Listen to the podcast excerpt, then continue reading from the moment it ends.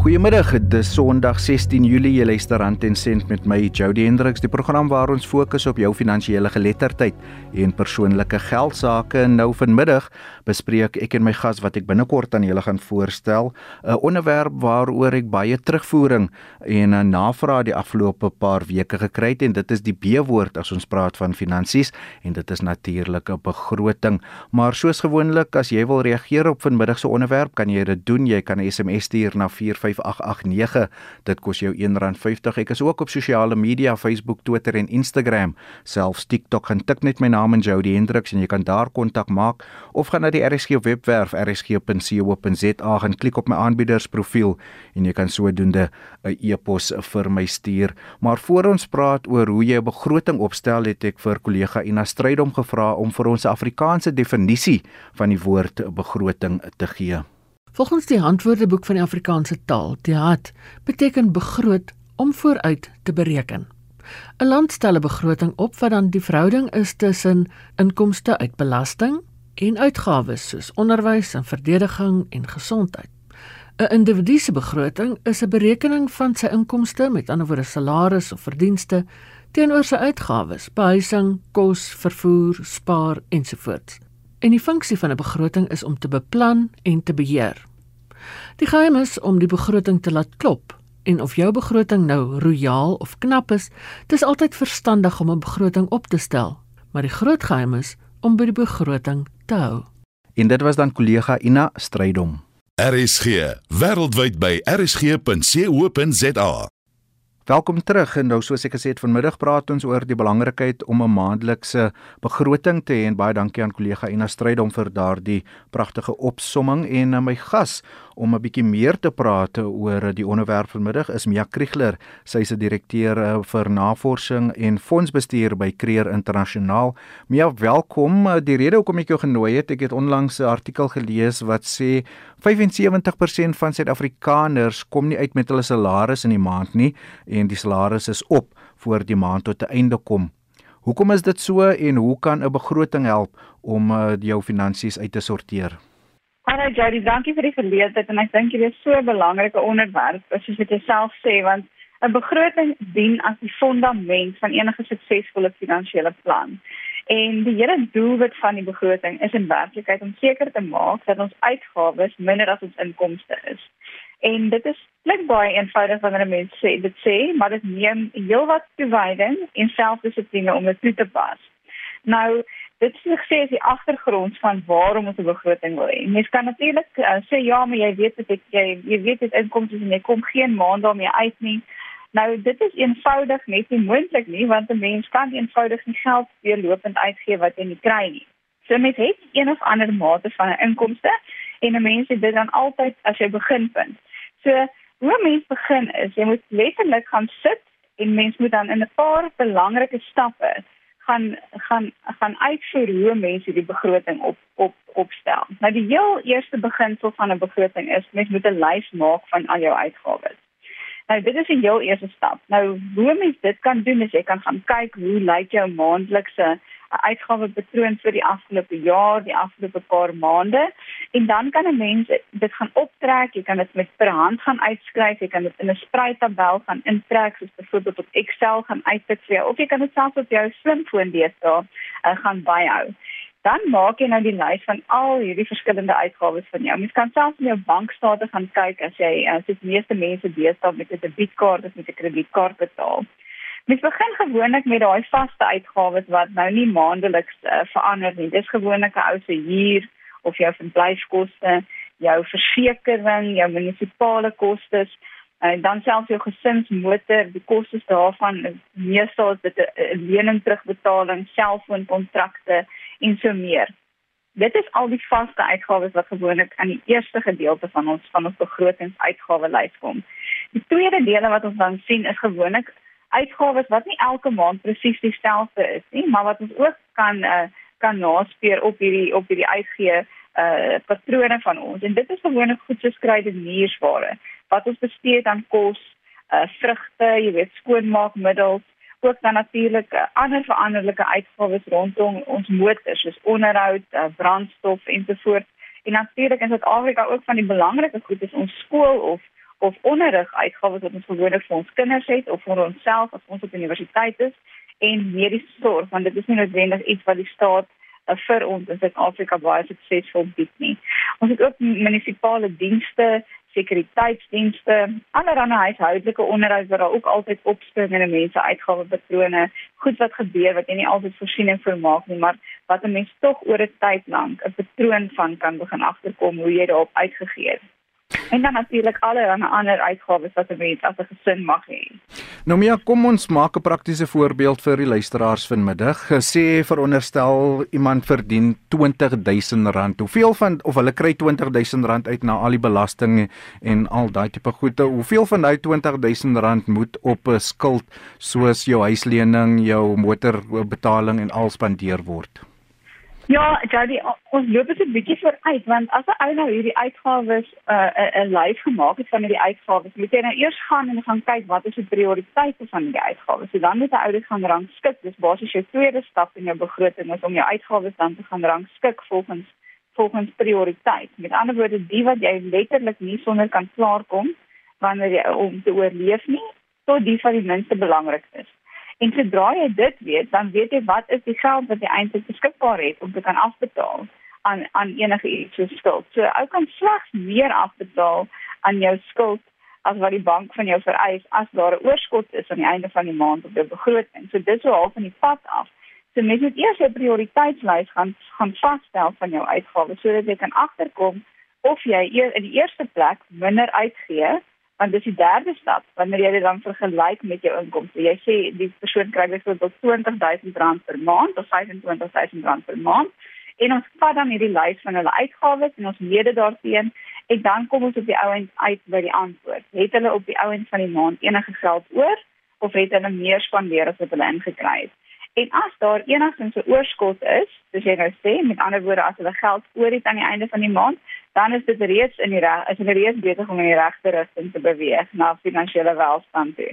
En dan is die heel eerste stap van daardie punt af om te kyk, goed, het ons skuld en as ons skuld het, is dit eintlik die heel beste belegging wat jy dan kan maak soos jy nou self voorgestel het om daardie skuld dan eers af te betaal voor 'n mens dan elders gaan belê. So jy het gepraat van 'n prioriteitslys en my prioriteite mag dalk verskil van jou prioriteite. Hoe bepaal ek jy wat is die belangrike prioriteite om eers te um, aan te spreek? Ja, goed, nou ons het kyk, daar is 'n paar uh, uitgawes wat 'n mens het wat noodsaaklik is en anders wat maar eintlik maar op begeertes of of uh, of of lekkertes uitgegee word. Nou, die noodsaaklike uitgawes is dinge soos 'n dak oor jou kop uh iets soos die petrol in jou kar wat ek wat jy by die werk gaan kry om jou inkomste weer te kan verdien. Uh, vir baie mense is dit hulle hulle liefdadigheidsbydra wat hulle gee uit uit as 'n dankoffer vir dit wat hulle kry elke maand van van die Here af. So daardie prioriteite is die belangrikste op ons lys. Dit is letterlik ook die kos wat ons in ons mond gaan sit wat ons gaan help om te oorleef en om elke dag die krag te hê om weer werk te kan gaan. En dit gaan dan alles verder af tot by vakansies en 'n uh, 'n uh, uh, soort van beplanning en uitgawes rondom allerlei impulsiewe uitgawes wat ons dalk het.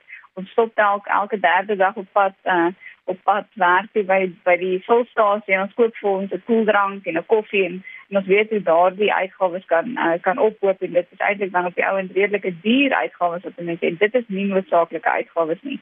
So en dit is waar ons op die prioriteitslys begin. Ons kyk waar waar sonder kan ons nie lewe nie en wat is noodsaaklik vir ons welstand in ons lewe en om ons werk te kan doen en dan werk ons van daar af na minder belangrike uitgawes toe.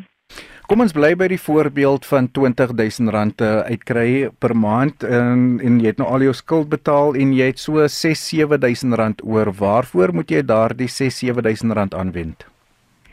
Ja, Jody, nou die realiteit van die saak is jy nou self gesê het en daai statistieke wat jy mee begin het, dis bitter min van ons luisteraars en bitter min mense sit met so 'n situasie aan die einde van die maand. So die hele beginsel van die begroting is eerstens om die selfdissipline deurlopend toe te pas om elke liewe maand en eintlik deur die maand weeklik seker te maak dat jou uitgawes binne in jou begroting bly. Met ander woorde, op daardie manier kan jy seker maak dat jy dan by 'n posisie uitkom wat jy in die eerste plek nie meer geld uitgee as wat jy inkry nie en sodat jy dan kan sit aan die einde van die maand met daardie addisionele soos jy sê R7000 of selfs al is dit net R1000 om mee te begin. Dan moet die ou begin kyk soos jy sê waar om te belê. Nou as jy ou geen skuld verder het nie, dan is dit altyd belangrik om te kyk hoe kan ek waarvoor wat is vir jou wat wat is die uh die beste plek op daardie stadium om om om te belê. Nou dit dit is weer eens dit is die volgende stap nadat 'n mens regtig waar die begroting onder die knie het. Maar in die eerste plek wil 'n mens graag 'n belegging maak waar jy weet jy 'n mate van veiligheid het, waar jou geld met ander woorde jy nie spekuleer nie, daar moet 'n mate van veiligheid vir jou belegging wees en jy moet 'n goeie opbrengs kan kry op die belegging. Nou uh dit is 'n baie relatiewe opmerking wat ek nou maak want 'n goeie opbrengs is vir elke persoon iets anders. Maar 'n mens moet ook altyd baie bewus wees dat as dit 'n goed ding om waar te wees, dan is dit gewoonlik. So 'n veilige belegging is gewoonlik uh, die eerste plek om te gaan raadsoek is by by 'n uh, 'n gemagtigde finansiële raadgewer, iemand wat gemagtig is en deur die wet voorgeskryf word om in men, in mense se belang op te tree en wat dan kundig is rondom hierdie tipe beleggings en vir jou kan raad gee in in in terme van jou spesifieke persoonlike uh um behoeftes want elke gesin elke persoon met wie ons te doen kry, het ander behoeftes en ander um, doelwitte met hulle met hulle finansiële planne vir die langtermyn. Maar ek dink vir vandag se gesprek wat ek en jy oor die begroting praat, is dit die belangriker deel om eerder te fokus op op die hoe kom ons by daardie punt dat ons geld aan die einde van die maand oor het. Want as ons in Suid-Afrika 'n selfdissipline kan kweek om hierdie begroting deurlopend te verfyn, elke maand na te gaan seker te maak dat ons uitgawes binne in ons inkomste pas. Met ander woorde dat ons inkomste meer is as ons uitgawes. Dat ons uitgawes altyd minder is as ons inkomste dan gaan ons by 'n situasie kom waar ons mense aan die einde van die maand elkeen geld oor het en waar hulle dan kan begin dink aan spaar. En dit is 'n baie baie 'n uh, belangrike punt om finansiële welstand te bereik Dis die stem van my gas vanmiddag, Mia Kriegler, sy is 'n direkteur vir navorsing en fondsbestuur by Creer Internasionaal. Ons praat oor die belangrikheid eh, van 'n begroting. Hoekom moet jy een hê? Want die jongste statistiek wys dat meer as 75% van Suid-Afrikaners nie met hulle maandelikse salaris uitkom nie. En nou Mia, um, een van die belangrike aspekte toe ek 'n bietjie navorsing gedoen het wat hulle sê as jy 'n begroting het, is die nodigheid vir 'n noodfonds. Het 'n noodfonds in Suid-Afrika in 2023 nie 'n bietjie van 'n luukse geword nie? Ja, Jadina, ons het nou 'n bietjie ons het nou 'n bietjie vinnig na die einde toe gespring van hoe kry mense oorskot met ander woorde, hoe kom jy by die einde van jou begroting uit by uh by geld oor aan die einde van die maand?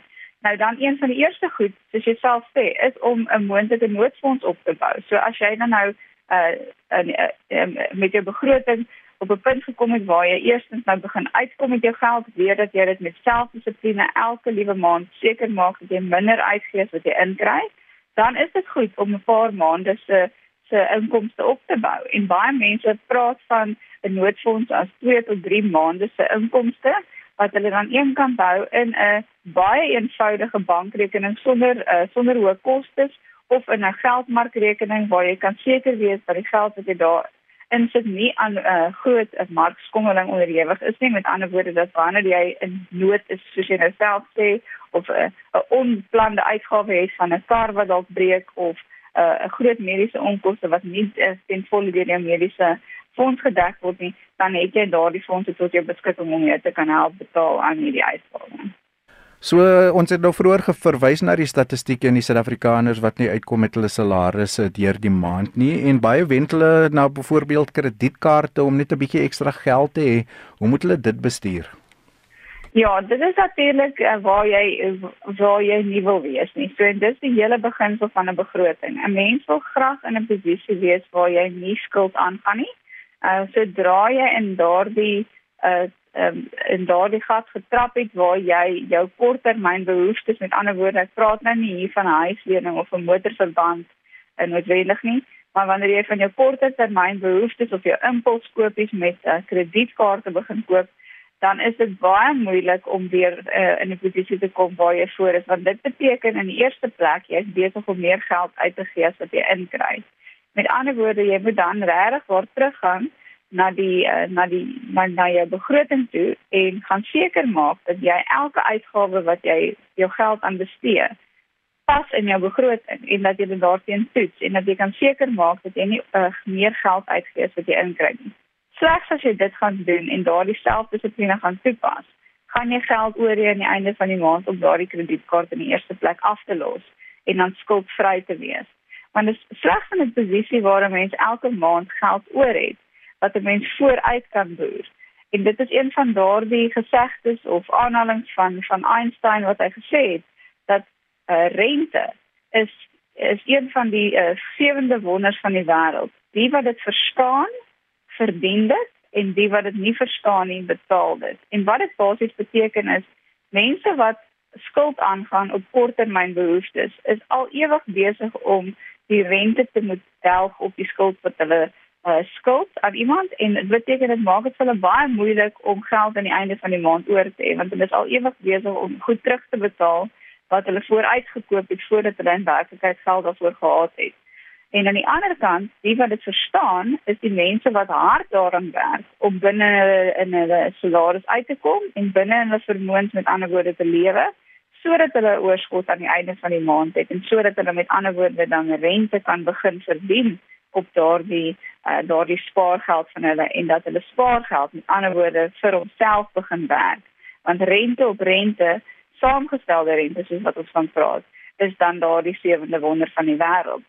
Dit is dan iets wat vir jou begin werk en wat jou in werklikheid meer finansiële vryheid gee oor tyd. Wat is van die uitgawes wat dan ononderhandelbaar is uh, vir uh, Jan en San Alleman wat hulle moet hê? Byvoorbeeld, ek dink hier aan 'n polis, jy het vroeër verwys na verblyf, daai tipe goed. Ja, nou polis is nie 'n ononderhandelbare uitgawe nie. Dit um, dit dit die eerste belangrikste uitgawe en dit kom terug na die prioritisering van ons uitgawes toe. Is uh, is die goed waar wat waar sonder ons nie kan lewe nie. Nou dit is vir baie mense vir die meerderheid van ons nie moontlik om sonder 'n huis of 'n dak oor ons kop te lewe nie en natuurlik ook nie vir ons moontlik om te lewe sonder kos in ons maag nie. So daardie is van jou eerste en jou mees belangrike en ononderhandelbare uh uitgawes. Nou as 'n mens steeds in 'n situasie sit dat jou inkomste minder is as die uitgawes van slegs daardie noodsaaklikhede wat jy moet betaal, dan moet 'n mens begin planne beraam en wat doen jy? Jy gaan kyk hoe kan jy op enige denkbare manier jou kostes uh laer kry. So is daar 'n manier dat jy dalk self eerder die kos kan maak wat jy werk te neem in plaas van om by die kafeteria uit te koop. Is daar plekke waar jy kan gaan kos koop waar dit veel goedkoper gaan wees? as waar jy dit tans koop. Uh, is daar ander maniere of dalk 'n kleiner plek wat jy kan huur wat wat goedkoper vir jou gaan kos sodat jy minder hoef te betaal daaraan en op daardie manier kan 'n mens dan ook voorkom en binne in jou uh, binne in jou salaris uitkom. Die ander deel is natuurlik om te gaan kyk hoe kan jy jou, jou inkomste vergroot? Kan jy moontlik 'n tweede werk oor naweke doen? Kan jy iets addisioneel doen in die aande wat dalk vir jou verdere salaris gaan gaan gaan inbring? of kan jy self jouself verder gaan leer op die internet is daar weer daar soveel aanlyn universiteite en en en eh, interessante en uh, baie kundige plekke waar mense kan leer om jouself en jou kennis te verbreek sodat jy dan weer werk uh, moontlik beter kan vaar of moontlik kan aansoek doen vir beter werk as wat jy tans doen. Mia ons het nou al verskeie aspekte gedek, maar kom ons veronderstel nou daar is van die luisteraars wat skuld het wat hulle nie onder beheer het nie. Wat is die eerste 3-4 stappe wat hulle moet doen om dit onder beheer te kry? Goed, die eerste stap is net moet ophou om enigstens verdere skuld aan te gaan. So dit kom alles terug na selfdissipline toe as 'n mens in daardie posisie is dat jy dat jy dit nie uh, dat jy dan op op die punt nie verder skuld kan aangaan nie, dan gaan jy weer eens terug na jou begroting toe moet gaan en baie baie streng moet toepas daarop waar jy reeds geld uitgee. Want met skuld het jy in werklikheid nou geld uitgegee wat jy nog nie verdien het nie. So nou gaan jy moet begin terugsny op die uitgawes wat jy elke maand uh, gaan maak. So jy gaan nou reeds goedkoper uitgawes moet probeer maak sodat jy in 'n posisie kan kom om daardie skuld af te betaal. So in die eerste plek, hou op om nuwe skuld te maak. In die tweede plek, kyk waar kan jy jou uitgawes so sny sodat jy kan kan kan uitkom dan nou met die geld wat jy kry en dan derdens, hoe kan jy dan begin om maandeliks 'n groter gedeelte van daardie skuld terug te betaal sodat jy vinniger skuldvry kan raak? jou advies vir mense as hulle nou hulle skuld onder beheer kry, wat moet hulle doen? Wat hulle moenie wat moet hulle nie doen om weer in daai struik te val nie? In die eerste plek moet hulle self gedissiplineerd bly. Nou dit maak nie saak of 'n mens baie uh, geld het en dan of jy min geld het nie. Die die kuns bly om om uh, die selfdissipline toe te pas om elke maand binne in jou begroting te bly. So skryf dit neer, kry dit op papier of op jou rekenaar of op jou foon. Kyk elke week daarna. Maak seker jou uitgawes bly binne in in die begroting wat jy vir jouself opgestel het. Maak seker jy spandeer minder as wat jy inkry elke maand. Maak planne om dit reg te kry. Pas dit deurlopend toe en dan gaan jy begin om met 'n oorskot te sit. En as jy met die oorskot sit aan die einde van die maand, begin met mense te praat. Vra kundige hulp vir mense oor hoe kan jy hierdie geld van jou dan doeltreffend en en effektief belê. Mia baie dankie vir jou tyd. Uh, ek dink 'n baie belangrike gesprek oor hoekom jy 'n begroting moet hê. Enigiets wat jy laastens uh, advies vir die luisteraars wil gee of iets wil byvoeg? Nee, ja, Jody, ek dink die die belangrike deel van 'n begroting is dat 'n mens moet besef dat dit die fondament van 'n suksesvolle finansiële uh, plan is. Enige finansiële sukses rus op die fondament van die begroting. En sodra daar krake in ons finansiële sukses of finansiële plan is, moet ons altyd terugkeer na die fondament toe en gaan kyk hoe kan ons die fondament weer herstel? En dit beteken hoe kan ons ons begroting weer herstel? Mia baie dankie vir jou tyd vanmiddag hier op Rand en Sent. Dankie Jody. En dit was dan Mia Kriegler, sy is die direkteur vir navorsing en fondsbestuur by Creer Internasionaal en ons het gepraat oor die belangrikheid eh, van 'n begroting. Hoekom moet jy 'n begroting hê? En ek hoop jy het ook vanmiddag die program so interessant eh, soos ek gevind. Jy kan natuurlik na rsg.co.za gaan eh, gaan laai die program op potgooi af, gaan soek net vir Rand en Sent. Al die programme wat ek die afgelope paar maande aangebied het, sal ook daar wees, maar ek dink spesifiek vir middag se program is baie belangrik en stuur dit vir daardie die neef, vriend, vriendin wat sukkel om 'n kop bo water te hou en nie uitkom met hul salaris in die maand nie, maar van my Jody Hendriks tot 'n volgende keer kyk na jou finansiële geletterdheid. Mooi bly en totsiens.